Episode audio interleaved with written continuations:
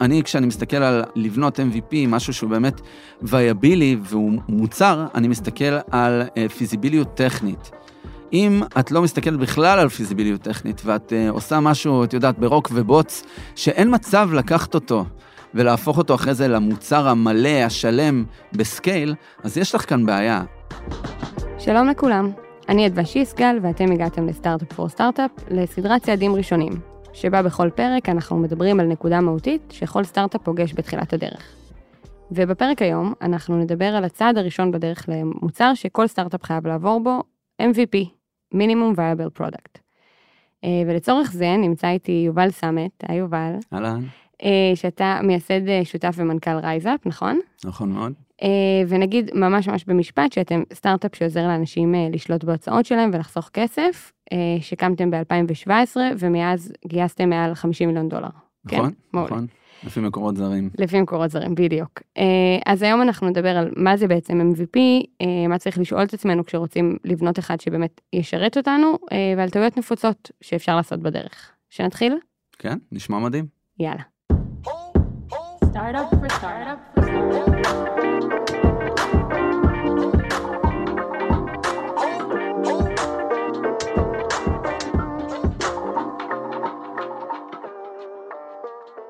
אה, יובל, שאלה חשובה לפני שמתחילים, שאני uh, גיליתי אתמול כשכזה עשיתי כל מיני תחקיר לקראת הפרק, אתה יודע איך אומרים MVP בעברית? MVP בעברית? כן, מסתבר שיש לזה מילה מאוד באמת קליטה. לא. מוצר בר קיימא מינימלי. זהו, שתדע, לפעם הבאה שמישהו... מעניין, התעברתתי. Uh, מעולה. אז, אז אנחנו נתחיל ואולי תספר לנו רגע בקצרה מי, מי אלו RiseUp היום? מי אתם? אה, על הדרך שלך קצת? בטח, בשמחה. אז אה, קצת על RiseUp. יש לנו משימה. אנחנו יוצרים עולם שבו כל אחד ואחת יכולים לצבור כוח כלכלי. אבל הרעיון הוא שבעצם כשאת רוצה לשנות התנהגות, לקחת דאגה כלכלית שיש לך, נגיד את מוציאה מלא כסף בסופר וזה נראה לך וואלה, משהו שהיית רוצה לשנות, זה ממש קשה לעשות לבד. אז כל הקטע הזה של לעשות את הסוויץ' מדאגה לשליטה, זאת המהות של החברה שלנו. אז אנחנו קמנו לפני חמש שנים, עם החזון שיום אחד תהיה בישראל בנקאות פתוחה. וחמש שנים פסט פורוד, יש לנו עשרות אלפי ממברים משלמים למוצר, וזה פשוט משנה חיים של האנשים מקצה לקצה. אם אני לוקח צעד אחד אחורה, איפה הייתי קודם, אז הייתי ה-Chief Product Officer וה-CTO של חברה שנקראת קלרנה. שגם הייתם מהמייסדים שלה, נכון? ש... הייתי, אפשר לקרוא לזה late stage, mm-hmm. late stage co-founder, קנו בעצם את uh, Analyzed, חברה שאחי ואני הקמנו ב-2010, ומכרנו אותה לקלרנה די מהר, ואז החזרה לארץ הייתה ממש כדי למצוא את הצוות הנכון ולמצוא את הבעיה הנכונה שאפשר לבנות סטארט-אפ, profit with purpose, ובאמצעותו לפתור את הבעיה. מהמם. Uh, כן. Um, אז אנחנו, אנחנו כבר נחזור ל-MVP אולי שאתם בניתם בקלרנה וברייזה בטח, כן. אבל אני רוצה רגע שנעשה ככה אישור קו עם כל מי שמאזין לנו, מה זה MVP? אני חושבת שזה איזה Buzzword כזה, נכון? אתה תמיד נכון. שומע את זה בהקשר, מה, על מה מדובר? אני חושב שב-MVP יש שתי שאלות עיקריות שאנחנו רוצים לקבל עליהן תשובה מובהקת בדאטה עם סימן קריאה.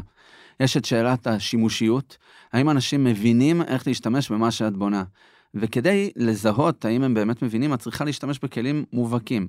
usability testing, לראות שהפלואו, הטאסק שדמיינת ואיך שמימשת אותו בממשק שלך, הם מצליחים להשלים אותו מקצה לקצה, הם מבינים על איזה כפתור ללחוץ, איפה, למה, והם הצליחו לשלם, לסיים את הטאסק ולהגיד, הבנתי. הדבר השני שאת רוצה לוודא, זה את הערך, שאנשים מבינים את הערך שהם קיבלו בזמן שהם מילאו את המשימה הזאת שביקשת מהם למלא. אמ, את רוצה לבוא עם היפותזה על ערך, להגיד, יובל עומד לחשוב איקס ברגע שהוא יסיים את ה flow.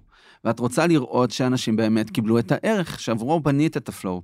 אלה שתי השאלות, ואפשר לעשות את זה ב-customer interviews, ואפשר לשאול שאלות על הערך באופן ספציפי. ואפשר גם לשאול שאלות של האם היית ממליצה על זה לחבר, שאלת NPS כביכול קלאסית. לא כדי להבין NPS, אלא באמת לזהות האם הלקוח הבין את הערך שאת מייצרת עבורו. אז עכשיו ברייזאפ אנחנו אה, יזמנו את מהפכת הפקדונות. עכשיו, הסיפור הזה הוא מאוד קל להבנה. מדובר בעצומה, אנשים יודעים איך למלא עצומה. וזה עובד בצורה מדהימה, וזה מופץ ויראלית, ובאמת אנחנו רואים את המספרים עולים כל שעה במיליונים. למה זה ככה? כי אנשים הבינו איך להשתמש, או יודעים איך להשתמש בעצומה.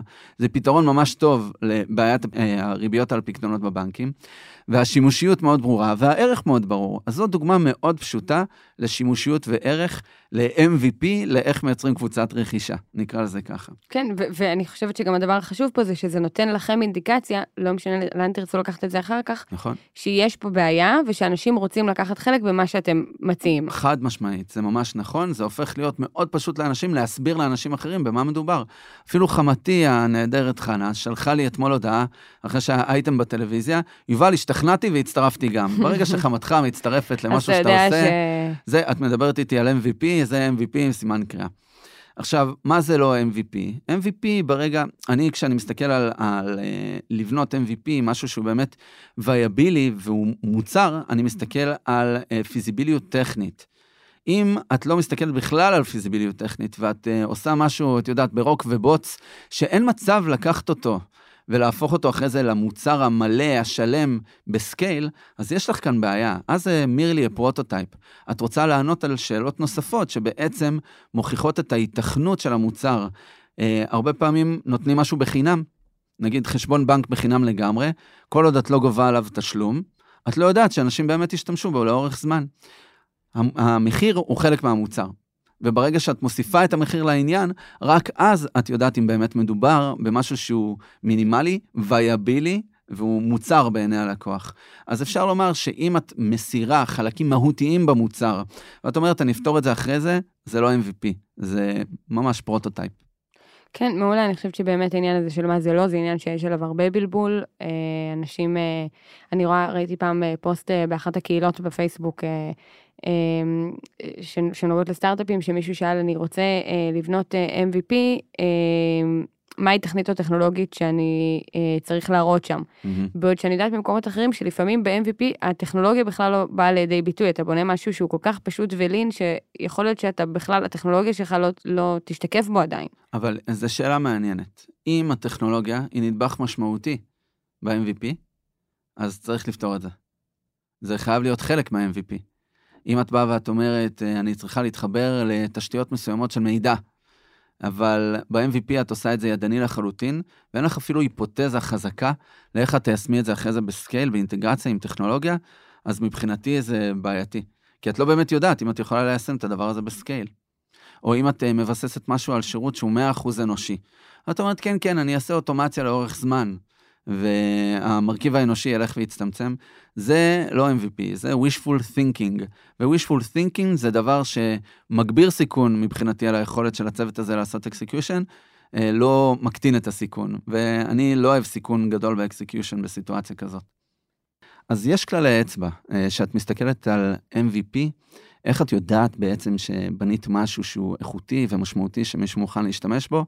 זאת השאלה המעניינת. אז לרוב, אני מסתכל על MVP בתור משהו שיכול לשרת חמישה עד עשרה לקוחות, אם בעולם ה-B2B, שהם לא Friends and Family, והם משלמים על המוצר, ובאמת הם רואים את הערך שאת uh, רצית לבנות, והם מקבלים אותו ונהנים ממנו. ואם את מסתכלת על עולם ה-Direct to Consumer, אז 50 עד 100 uh, אה, לקוחות שבאמת משתמשים בו ורואים בו ערך ומוכנים לשלם עליו, כי לשלם כסף זה גם חלק מהמוצר, זה אחד ה-P's. וזה ממש ממש חשוב לוודא שאנשים מוכנים לשלם על מה שאת נותנת. ובגלל זה MVP הרבה פעמים מבלבל אנשים, כי בונים משהו, את יודעת, אה, מדביקים ברוק ובוץ איזה מוצר ביחד, והרבה פעמים זה לא באמת מייצר ערך לאנשים, אה, אבל אנחנו יכולים אה, למכור לעצמנו שהגענו לאיזה יעד.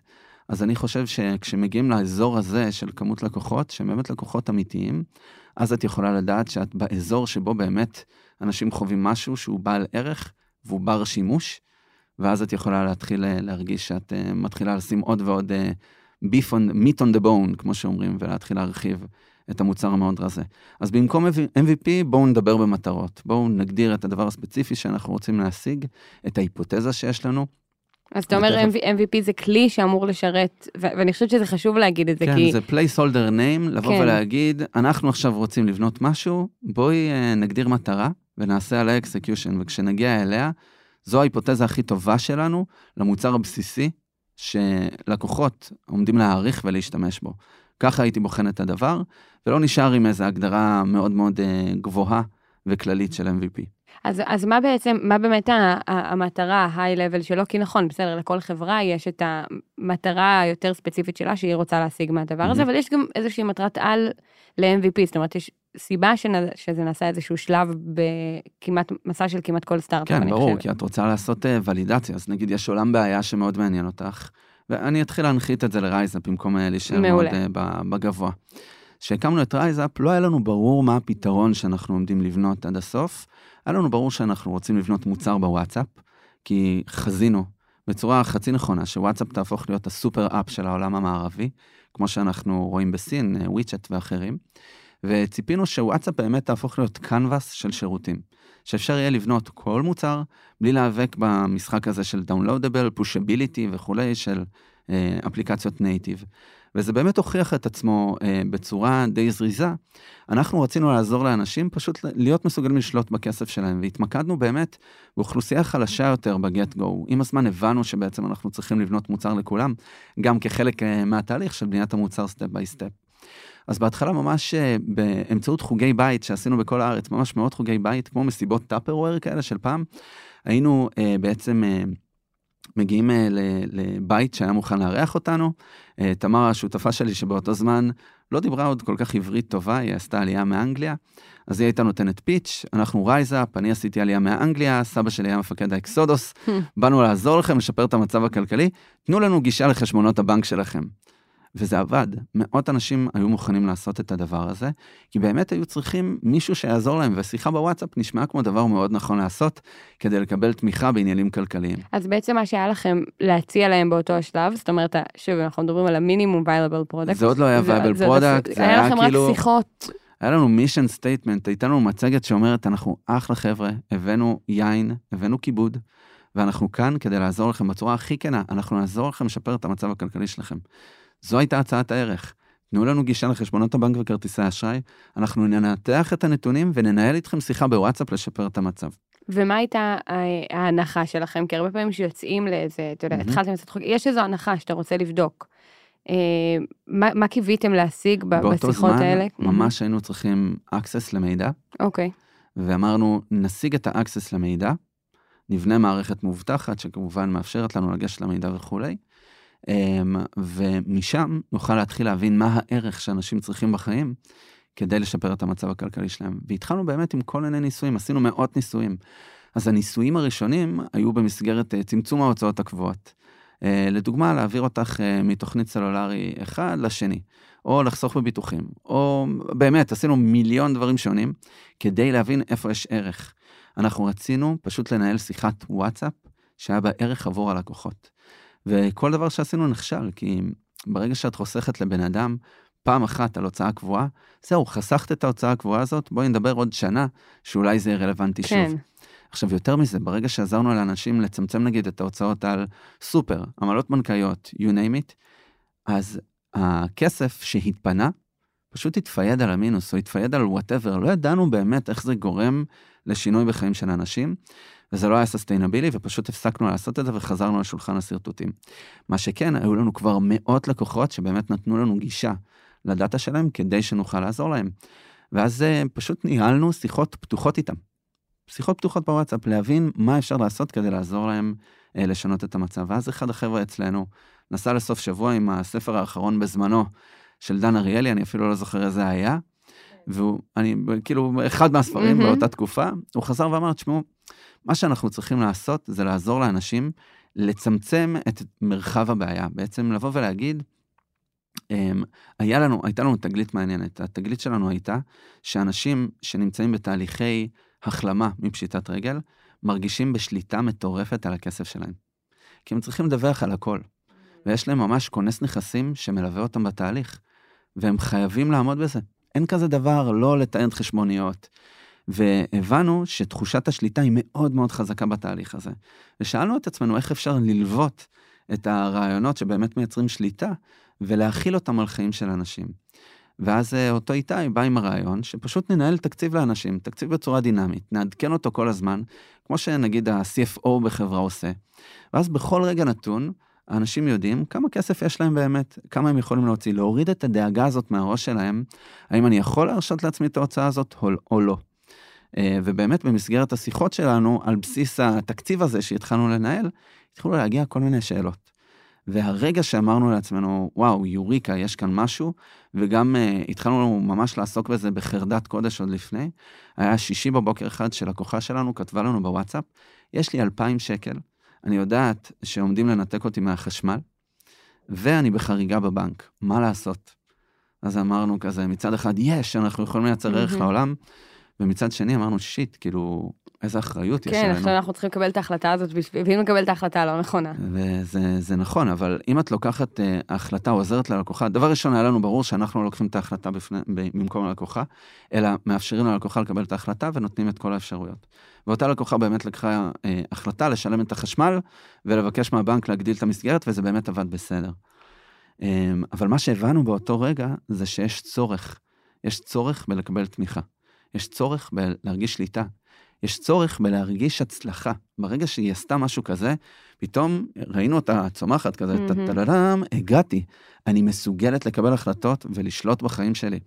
ואז מהמקום הזה, זה היה כבר, בואי נגיד, חמישה, שישה חודשים לתוך החיים של החברה, הבנו שיש כאן משהו ענק, ורק אז יכולנו לבנות בעצם את ה-MVP של החברה, אם אנחנו חוזרים למושג הזה. בעצם הבנו שיש כאן בעיה, ויש לנו פתרון שהוא לא מספיק מושחז, לא מספיק ברור מה הערך עד הסוף, לא ברור איך למכור אותו עד הסוף, אבל ראינו שאנחנו מסוגלים לתת ערך מעולה לאנשים, וככה שאלות התחילו להגיע אלינו בוואטסאפ יום אחרי יום, והבנו שיש כאן משהו שאפשר לעשות סיסטמטית. זאת אומרת, אם אני אולי מפרקת את זה, אז בעצם הייתם צריכים קודם כל לעשות ולידציה לבעיה mm-hmm. ולרעיון, לפני שבכלל יכולתם, כי בסוף מה זה MVP? זה ולידציה למוצר, אתה רוצה לוודא שהמוצר שחשבת עליו הוא בכלל רלוונטי, נכון? אם אתה מגיע כן. לבדוק את הבעיה באמצעות הדבר הזה, אולי פספסת שלב אחד קודם. כן, אז אני חושב שזה פשוט product solution fit לצורך העניין. יש בעיה בעולם שמישהו חווה, ואת מביאה ערך, את מביאה מוצר, את מביאה פתרון,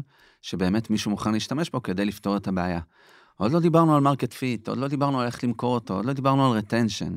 פשוט שלמישהו מספיק אכפת כדי לבוא ולהגיד, וואלה, הנה sign up, אני מוכן להתחיל להשתמש בדבר הזה, ואת נותנת לאותו בן אדם את הרגע הראשון, את ה activation, את הרגע הראשון של ערך. וכאן בעצם אפשר להתחיל לדבר מתודולוגית, איך אנחנו אה, יוצרים אה, אה, את המוצר ה lean הזה, את ה-MVP הזה, את המטרה הכי הכי פשוטה שמראה התאמה בין מוצר לבין בעיה. זה הדבר הראשון שאת מחפשת.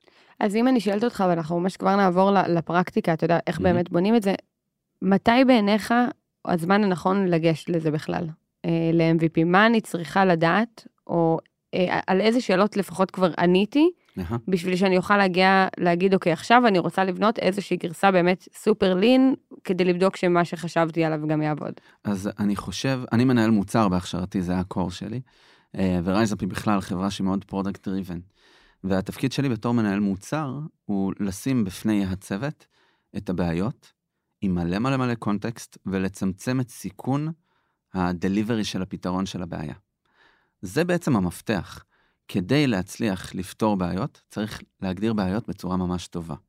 אז ברגע שהגדרנו בעיה בצורה ממש טובה, שהרבה אנשים חווים אותה, את יכולה ללכת לדבר עם בן אדם ואומר, בואנה, גם אני רב פיצוצים עם אשתי, ממש הייתי רוצה שיהיה איזה משהו בעולם שיעזור לי לפתור mm-hmm. את הדבר הזה, כי אנחנו לא מצליחים להגיע להסכמות על כסף, ואת שומעת את זה שוב ושוב ושוב ושוב, אז את מבינה שיש כאן משהו שאת יכולה לבנות עבורו פתרון. אני האזנתי לפרק שהיה עם אה, אה, ליאור ורמי ממורנינג, חשבונית ירוקה, ומדברים על זה בפרק כאילו בצורה כל כך אה, יפה ומלאת צבע, שבאמת בתור פרילנסרים בעצמם, שצריכים להנפיק אה, כל מיני מסמכים מוזרים לרשויות ולהנפיק חשבוניות לכל מיני אה, חברות שהם עובדים איתן. הם הרגישו את הבעיה בעצמם, ואז ראו סביבם מלא אנשים עם אותה בעיה. ברגע שיש לך בעיה רועמת, כזאת מובהקת, אז אפשר להתחיל לבנות את אותו MVP. כי בלי בעיה מובהקת, מאוד מאוד קשה אה, לדעת מה לבנות ואיך לתת מענה לבעיה. אז אני חושב שהשלב הראשון הוא ממש להיות אה, מומחית בעולם הבעיה, להבין את הבעיה לעומק, ולדבר עם מלא אנשים כדי להבין שהבעיה הזאת היא באמת בעיה משמעותית מספיק ששווה אה, לפתור באמצעות אה, טכנולוגיה, כי בסוף צריך צידוק לבנות את המוצר שבאמת ייתן מענה. כן, נראה לי שזו באמת המילת מפתח, שיש פה כאילו הרי כמה שאלות אם אני מפרקת את זה. יש פה, האם יש בעיה mm-hmm. בכלל, או שהיא בראש שלי? יש נכון. האם יש שוק לבעיה, נכון. האם השוק שיש לי בעיה ירצה לשלם על הפתרון שאני מציעה, מהמם. ואם הוא בכלל מעוניין בפתרון שהוא טכנולוגי. נכון, או- אז אני, אני מגדיר את התשלום בתור חלק מהפתרון, מהמם, אבל בהחלט, מה שאמרת על גודל השוק הוא מאוד נכון. מה שאת רוצה להבין זה באמת שיש בעיה מאוד עמוקה, שהיא כואבת לאנשים. וכולנו מכירים את הרגע שאנחנו מדברים עם חבר, ונופל איזה אסימון, והוא אומר, בואנה, וואו, זה באמת משהו שהוא יושב עליי. ואז היושב עליי הזה, ברגע שיש לך אוזן מספיק מפותחת, או שאת לומדת את הפרקטיקה של customer interviews, אז באמת את מתחילה לדלות את הסיגנל הזה מהרבה שיחות, ואת מתחילה להבין איפה בעצם הבעיה נמצאת, ומה שווה לפתור, מה הדינמיקה של הבעיה, מה אנשים ממש מעריכים. קשה להם לעשות משהו, יקר להם מדי לפתור את הבעיה, הפתרונות הקיימים לא פשוטים מספיק, הם לא מודעים, אין להם access. הרי אם אנחנו שוב חוזרים לעולם הכסף, הכל פתור בעולם הכסף.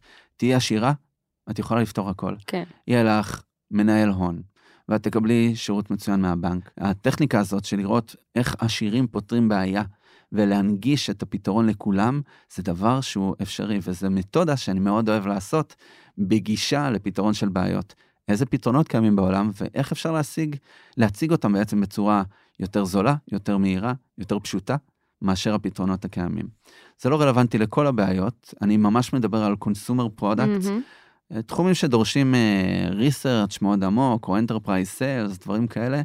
Uh, עולם ה discovery של הבעיה הוא דומה, לא בעולם ה research העמוק, uh, אין לי מושג איך עושים מחקר סייבר, או איך חוקרים תרופות, או מהמם.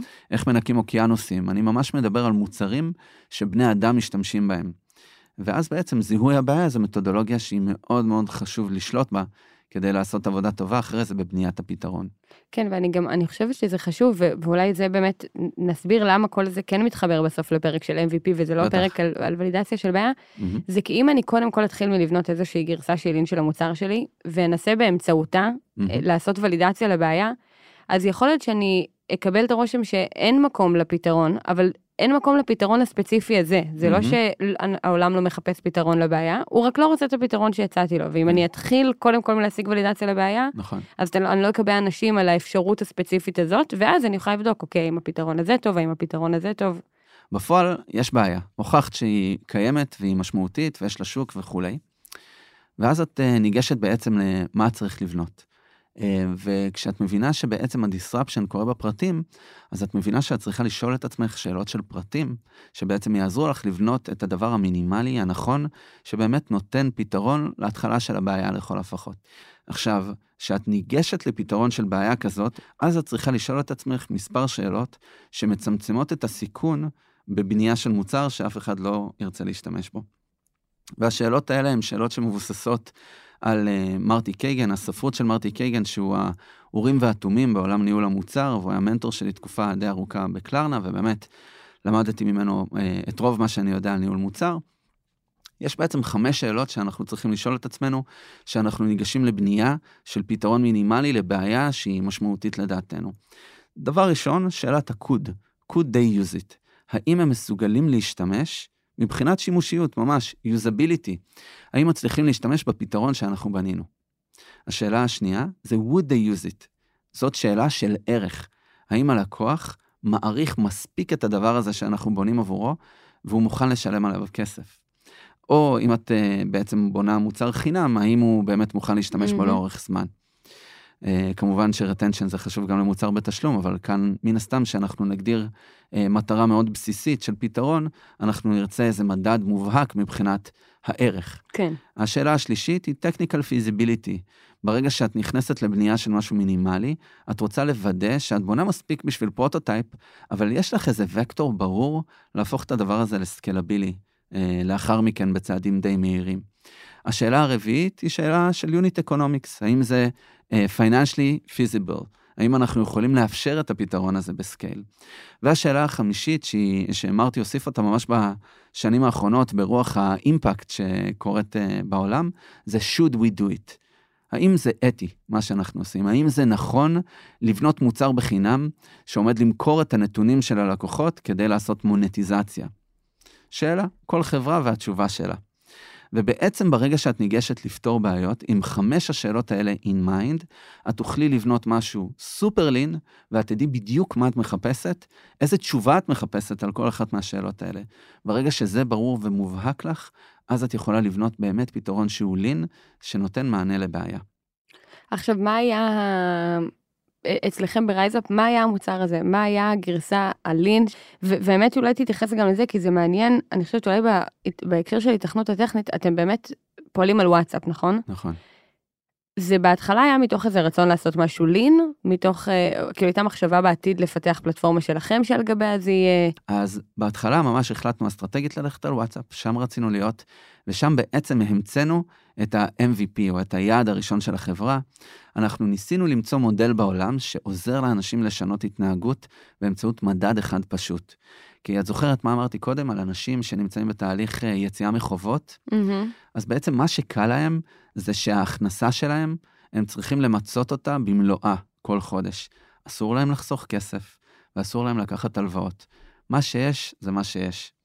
ואז בעצם רצינו לייצר סיטואציה שמשתמשת בקונספט של מחסור, לצמצם בעצם את הריסורס שיש לך, כדי לעזור לך להיות בכיוון הנכון. עכשיו, ברגע שהבנו שאנחנו פועלים בעולם שינוי התנהגות, אמרנו, אוקיי, צריך איזה מדד, צריך מספר אחד מאוד מאוד פשוט, שאפשר לשלוט באמצעותו בהוצאות השוטפות. ואז חיפשנו כל מיני מספרים בעולם, ונתקלנו במדד מספר הצעדים ביום של פיטביט. והמדד הזה הוא מאוד מעניין. באופן עקרוני, אם תלכי עשרת אלפים צעדים ביום, תהיי בריאה והכל יהיה סבבה. ואז למדנו עם הזמן שמדובר בעצם במהלך שיווקי מדהים של ממשלת יפן, שבשנות ה-90 היו צריכים לגרום ליפנים שהפכו להיות שמנמנים וחולים בגלל מקדונלדס ועוד כל מיני רשתות כאלה שמכרו אה, מזון מהיר, אה, בעצם היו צריכים לגרום ליפנים לאמץ תחביבים שקשורים בהתעמלות. ואז הם המציאו מדד, מדד העשרת אלפים צעדים ביום, שבאמת הוציא אנשים לרחובות.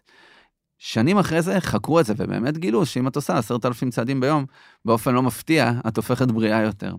אז ראינו עשרת אלפים צעדים ביום ואמרנו, אוקיי, יש כאן משהו מעניין. אנשים אשכרה משווים את עצמם מול עשרת אלפים צעדים ביום. זה באמת הפך להיות עניין, אנשים כן, יודעים שזה דבר. כן, זה בנצ'מרק כזה. זה בנצ'מרק ואת יכולה לאתגר את עצמך יותר או פחות, ואם את בונה כושר אז תעשי 6,000 צעדים ביום.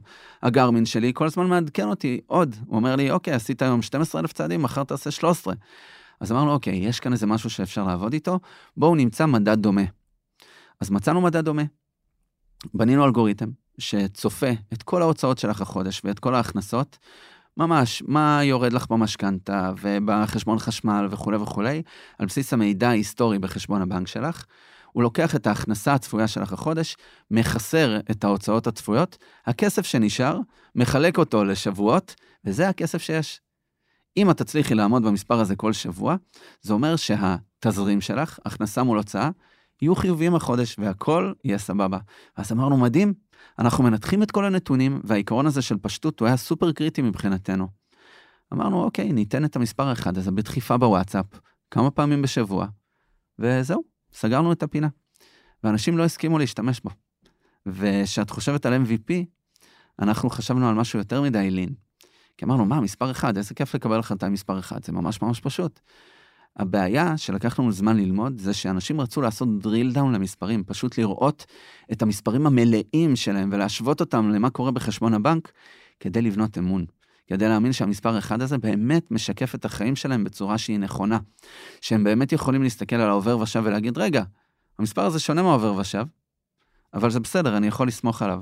ואני יכול להגיד לך שעד היום יש מלא ויכוחים אצלנו בקהילה, אם הגיוני להשתמש במספר האחד הזה, למה המספר האחד הוא לא המצב של העובר ושב, ואנחנו עד היום עושים uh, הרבה מאוד פעילויות כדי לעזור לאנשים להתרגל למספר האחד. אז הטעות שעשינו ממש בתחילת הדרך, לצורך העניין בנינו מוצר מינימלי מדי, שאנשים לא הבינו עד הסוף, זה שלא הבנו שכדי להשתמש במדד הזה, מאוד מאוד פשוט, בוואטסאפ, שאפשר לקבל באמצעותו החלטות, אנשים היו צריכים לעשות drill down למספרים, להבין שאנחנו יודעים על מה אנחנו מדברים, ורק אז הם יוכלו לספור, לסמוך על המספר האחד. זאת אומרת, אתם באתם מאיזה רצון לעשות משהו, אני מניחה, יחסית, שוב, מינימלי, סופר פשוט, סופר כן. פשוט ואחר כך בעתיד אה, אולי להתרחב ולהציע להם עוד מספרים ויותר, אבל נכון. זה לא הספיק בשביל שתוכלו לקבל מזה אף מידע על... לא, זה לא הספיק כדי לקבל uh, פידבק משמעותי, זה פשוט טרק אנשים על המספר האחד הזה. ושוב, עד היום זה אחד האתגרים שלנו במוצר. באמת, אף פעם לא הצלחנו עד הסוף לפתור את העניין הזה. אני מקווה שעכשיו יש לנו כמה היפותזות לאיך אה, לפתור ולהפוך את הדבר הזה להרבה יותר פשוט בעיני האנשים. אבל מה עשיתם אחרי זה? זאת אומרת, אתם מבינים? כי אה, אה, ממה שאני שומעת, אפשר לקחת את זה לשני כיוונים. מהמם. כיוון אחד זה להגיד, טוב, אין כאן ערך. אה, אין כאן, הם לא מעוניינים במוצר, אנשים לא נכון. רוצים שיגידו להם מה לעשות עם הכסף שלהם, נקודה. נכון. וכיוון שני זה אנשים לא רוצים מספר אחד שיגיד להם מה לעשות. נכון. אז או שאנשים צריכים לסמוך עליך מספיק כדי שתיתן להם את המספר האחד הזה והם יעמדו בו. תחשבי על זה, זה כמו תוכנית אימונים עם מאמן כושר או מאמן ריצה, שהוא אומר לך, תעשי את זה ואת זה ואת זה, ואז את אה, סומכת עליו, כי נבנה ביניכם האמון. איך נבנה? בכל מיני דרכים. מהמם. ואת צריכה פשוט לבסס את האמון הזה, ואנחנו לא הבנו את זה עד הסוף. אז בסיטואציה שאת אה, בשלב מאוד מאוד מוקדם בחברה, you must master customer interviews. את אה, נמצאת בסביבה שהיא חייבת להיות high engagement, את צריכה להיות מאוד proficient בלהרים את הטלפון ולראיין את הלקוחה מקצה לקצה, להבין איך היא מרגישה, מה היא חוותה, ולהבין את השאלות האלה, האם הלקוחה לא הבינה איך להשתמש, או שהיא לא ראתה בזה ערך. וברגע שאת מראיינת לקוחה ואת מקבלת המון סיגנל, ועשינו מאות ראיונות עם לקוחות, ומזה בנינו את הסיגנל ואת ההבנה מה אנשים צריכים ואיפה קשה להם, ברגע שעשינו את זה, אפשר היה להתחיל לעשות אדפטציה למוצר, ובאמת להעשיר אותו הרבה יותר, שאנשים יוכלו לעשות צלילה קצת יותר עמוקה לממשק, בעצם לראות איזה view של הכסף שלהם. ברגע שזה התחיל לקרות, אנשים התחילו לסמוך עלינו יותר ויותר בקבלת החלטות, אז בעצם היינו צריכים להעמיק את המוצר. כדי לפשט אותו, מהמם. וזה לא היה אינטו, אינטואיטיבי בשבילנו. אז את יכולה לבוא ולהגיד, אין כאן ערך, או שאת יכולה לצלול עוד, לעשות עוד double click, ולהבין יותר לעומק, שיש כאן ערך, אנשים צריכים פשטות בקבלת החלטות, אבל כדי שהם יסמכו עלייך, את צריכה לעשות עוד כמה צעדים. וזה בעצם מה שפיצחנו. ואחד הדברים הקשים היו שלא היה לנו שום data מבחינת אה, האם קראו את ההודעה בוואטסאפ, אה, האם אה, ראו בה ערך, לא הייתה שום אינטראקציה כי המוצר היה שטוח לחלוטין. אז ממש הסתמכנו על השיחות עם הלקוחות, עד שבאמת העשרנו את המוצר בעוד ועוד לינקים, שבאמת אפשרו לנו לראות שאנשים מקבלים החלטות באמצעותו. כמה זמן, אה, לא יודעת אם אתה זוכר, כמה זמן עבדתם על הפיתוח של הדבר הזה? כי אחד מהעניינים של MVP זה שהוא צריך להיות מהיר, נכון? כן, כן, זה היה, עליו. זה היה מאוד מהיר. אנחנו בנינו, אפילו ברמת התשתיות, אנחנו בנינו רק כשהיינו בטוחים שיש ערך. זה ברמה שאיתי, שאז איש האופרציה, שבא בעצם עם הרעיון גם מלכתחילה, איתי ממש החזיק תמונה של 150 לקוחות, הוא פשוט שירת 150 לקוחות בזמן שאנחנו התחלנו לעשות השלמה של הלוגיקה והאוטומציה ובאמת התשתית שאפשרה למערכת לעשות את מה שאיתי עשה, רק באופן אוטומטי. אז לקח לנו כמה חודשים לעשות את זה מקצה לקצה, אבל זה היה אחרי שהוכחנו את הערך כבר עם 150 לקוחות. את מה שהתחלתי ואמרתי, מהמם. צריך 50-100 לקוחות שמקבלים ערך, אז ממש ה analytics שלנו היה איתי ואני יושבים ועושים אה, סופרים, כמו שסופרים אה, טבלת ייאוש כזאת על לוח שנה. ככה עשינו באקסל, זה היה ה data platform שלנו בהתחלה. איזה אינטראקציות היו, במה לקוחות השתמשו, כדי להראות retention לחוויה. וככה עם הזמן התחלנו בעצם לפתח הכל על בסיס הטסט שעשינו. כן, אולי באמת זה שעשיתם, ונעצנו את זה קצת קודם, זה שעשיתם validation אה, לבעיה, לפני שהגעתם לעשות ולידציה למוצר, אפשר לכם להגיד, אוקיי, אנחנו מבינים שמשהו ב-MVP, משהו במוצר לא עובד, אבל זה לא יכול להיות שאנשים לא רוצים אותו, כי כבר עשינו ולידציה לבעיה. כבר יש לנו 150 אנשים, או 100 אנשים כן. שדיברנו איתם, ואנחנו יודעים שהם צריכים פתרון לדבר הזה. נכון. משהו בפתרון שיצאנו עכשיו לא עובד, ואם הייתם מגיעים מלכתחילה עם המוצר הזה בלי שדיברתם עם לקוחות קודם, נכון.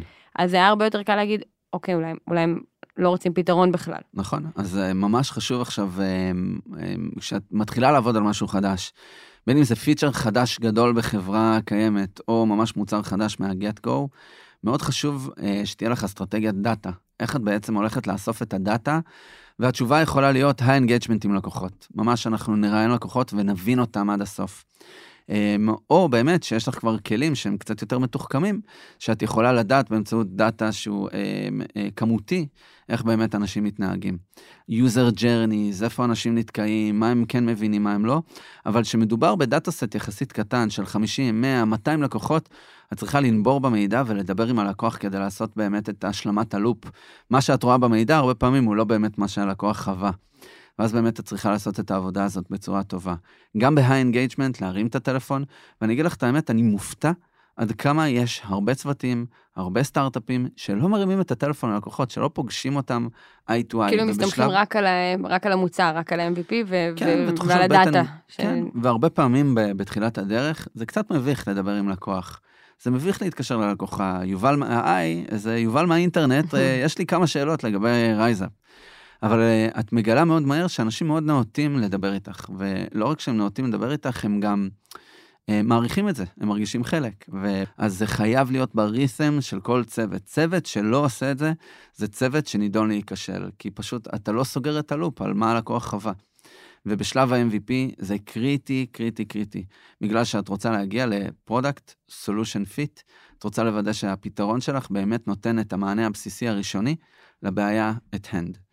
ואם את לא עושה את זה, ואם אין לך data שבאמת מייצר את ה validation, אז את באמת נמצאת בבעיה, והסיכוי שלך לדייק את ה-MVP אה, הוא מאוד מאוד נמוך. אני חושבת שזה קשור גם למה שדיברנו בהתחלה על מטרות. Mm-hmm. אה, הרבה פעמים אני רואה את זה לפעמים קצת בקהילה אצלנו, ואני מדברת בתור מישהי שהייתה צריכה ללמוד מה זה MVP, כי אני לא כן. לא מגיעה מהעולם הזה. Mm-hmm. אז אני כאילו בהתחלה למדתי דרך חוכמת ההמונים. אז כל כן. בן אדם ששמעתי לקח אותי קצת לכיוון אחר, בסוף אני מניחה שהתשובה היא איפשהו באמצע. כן. אבל מה שזיהיתי זה שאצל הרבה אנשים זה הופך למטרה. כן. ה-MVP הופך למטרה. עכשיו, mm-hmm. ממה שאני מצליחה להבין, מה הבעיה בזה? א', כשהוא הופך הבעיה למטרה, אז אתה לא מספיק עוצר ומדבר עם לקוחות בטלפון, כי mm-hmm. אתה כל כך ממוקד בלהצליח לעשות MVP, אז נכון. אתה לא רוצה שום דבר שיעכב אותך. דבר שני, משקיעים בזה מלא זמן. נכון. עכשיו, אם השקעת בזה מלא זמן, מראש פספסת את המהות, כי כל הפואנטה, נכון, זה לעשות משהו... נכון. משהו מהיר. אז אני חושבת שבהתחברות למה שאמרת קודם על מטרות, צריך קודם לזכור למה אנחנו עושים את זה, מה נכון. השאלות שאנחנו רוצים להשיג. צריך להיות מדויקים, בגלל זה אני בעד להגדיר מטרה. במקום לדבר ב-MVP, כי MVP הוא באמת מבלבל. אני חושב שחברה שעשתה את זה מדהים לכל הדעות עם ההצלחה שלה בדיעבד זה מיליו. כי מיליו באמת, מתן ואילן וזיו, בהתחלה הם באו ושאלו את עצמם איזה ערך אנחנו יכולים לייצר, ומתן דיבר על זה ממש יפה בזמן האחרון, ואז הם אמרו, נעשה הנהלת חשבונות בוואטסאפ. למה הם עשו הנהלת חשבונות בוואטסאפ? כי הם רצו גם להבין את הבעיה וגם להבין את הפתרון האפשרי. ואחרי שהם עשו את זה, זה היה ממש prototype לחברה, הם זרקו את זה לפח, והם לקחו חצי שנה, והם בנו מוצר מעולה מקצה לקצה, שבאמת התפוצץ. כי הם עשו validation לבעיה באמצעות MVP, שמו אותו, בפח, ואז לקחו את הזמן לבנות את הדבר כמו שצריך, ואז הם כבר היו מוכנים uh, ל scale. וזה היה מאוד מרשים שהם עשו את זה באופן כזה, וזה באמת מעיד על proficiency מאוד מאוד גבוה. עכשיו נגיד אנחנו עובדים מאוד קשה להשיק את רייזאפ באירופה, בהולנד, בספרד ובאנגליה. והשיחות שלנו כרגע הן מה המטרה הראשונית שלנו כדי להצליח להגיע לאינדיקציה מאוד ברורה על willingness to pay על RiseUp באירופה. זאת מטרת העל של ההשקה שלנו באירופה, אבל המטרה הראשונה לא עומדת להיות willingness to pay, היא עומדת להיות הרבה יותר חדה ומצומצמת, ועוזרת לנו לבנות את ה prototype שלנו באירופה בצורה הנכונה, למרות שבישראל כבר יש לנו מוצר וקהילה מאוד מבוססים וצומחים. ואז את צריכה לשאול את עצמך מה המינימום שאת צריכה לעשות כדי להוכיח את מה שאת רוצה להוכיח. הרבה מה, מהדברים שאנחנו מדברים עליהם בסדרה הזאת, הרי הסדרה הזאת מדברת על פחות או יותר השנה הראשונה בחיים של סטארט-אפ, ובשנה הראשונה כל מה שאתה עושה בסוף מתכנס, או אתה רוצה שהוא יתכנס לזה שתקבל השקעה.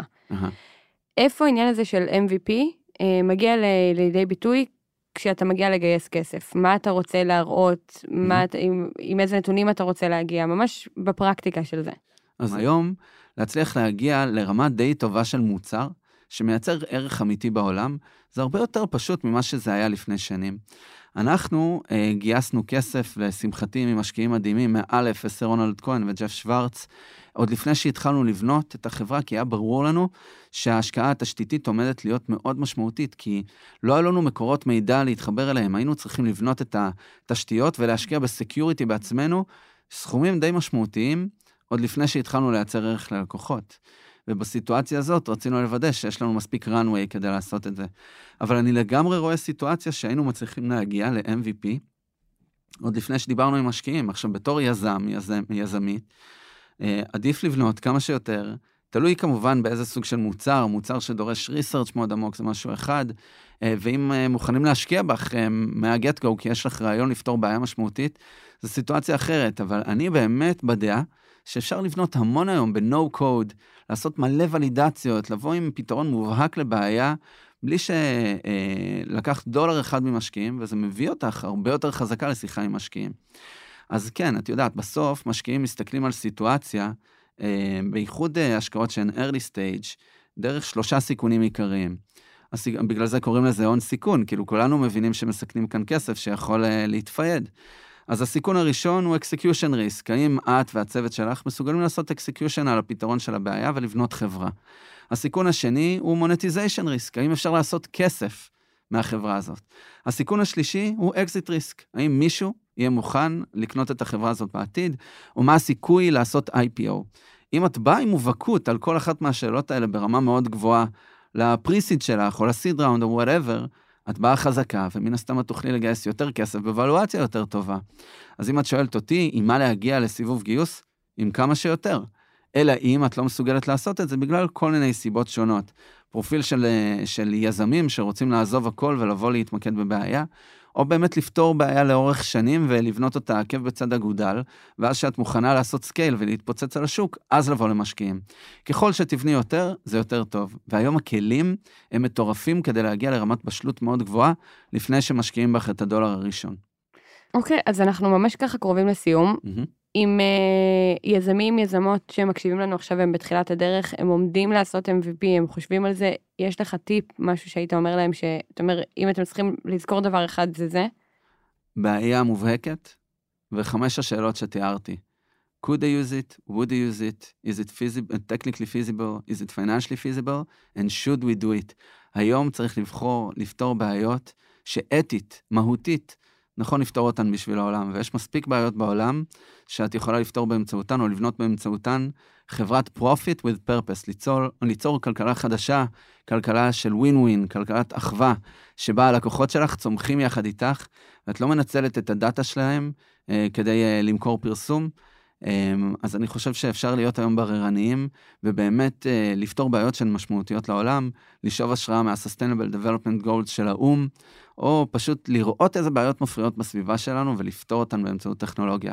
אז בעיה מובהקת, ולשאול את השאלות ולדבר עם לקוחות, אלה הדברים שצוות early stage שבא היום, יוצא לי לעשות לא מעט השקעות, אז צוות שבא אליי היום בלי הדברים האלה, זה כאילו, בואו נדבר שיהיה לכם את הדברים האלה. בלי זה, בלי פתרון חד, ברור לבעיה, אמ, שמאוד קל לבנות היום, זה מבחינתי turn off עצבני, כי החסמים הרבה יותר נמוכים ואפשר לבוא הרבה יותר בשלים אה, כדי לדבר על אה, השקעות וגיוסים וכאלה.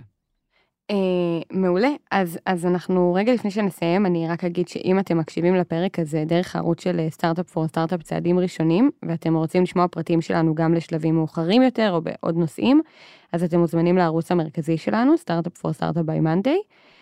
ואם יש לכם שאלות ליובל או אלינו, אז אפשר לשאול אותם בקהילת הפייסבוק שלנו, באתר, אני אדאג שיובל יענה. בשמחה. Uh, ואם אתם רוצים לדעת כל פעם שיוצא פרק חדש, אז אפשר לעקוב אחרינו בכל אחת מהאפליקציות. Uh, תודה רבה, יובל. תודה, היה לי כיף. היה כיף מאוד, ותודה לכם שהאזנתם. תודה. Startup for startup for startup.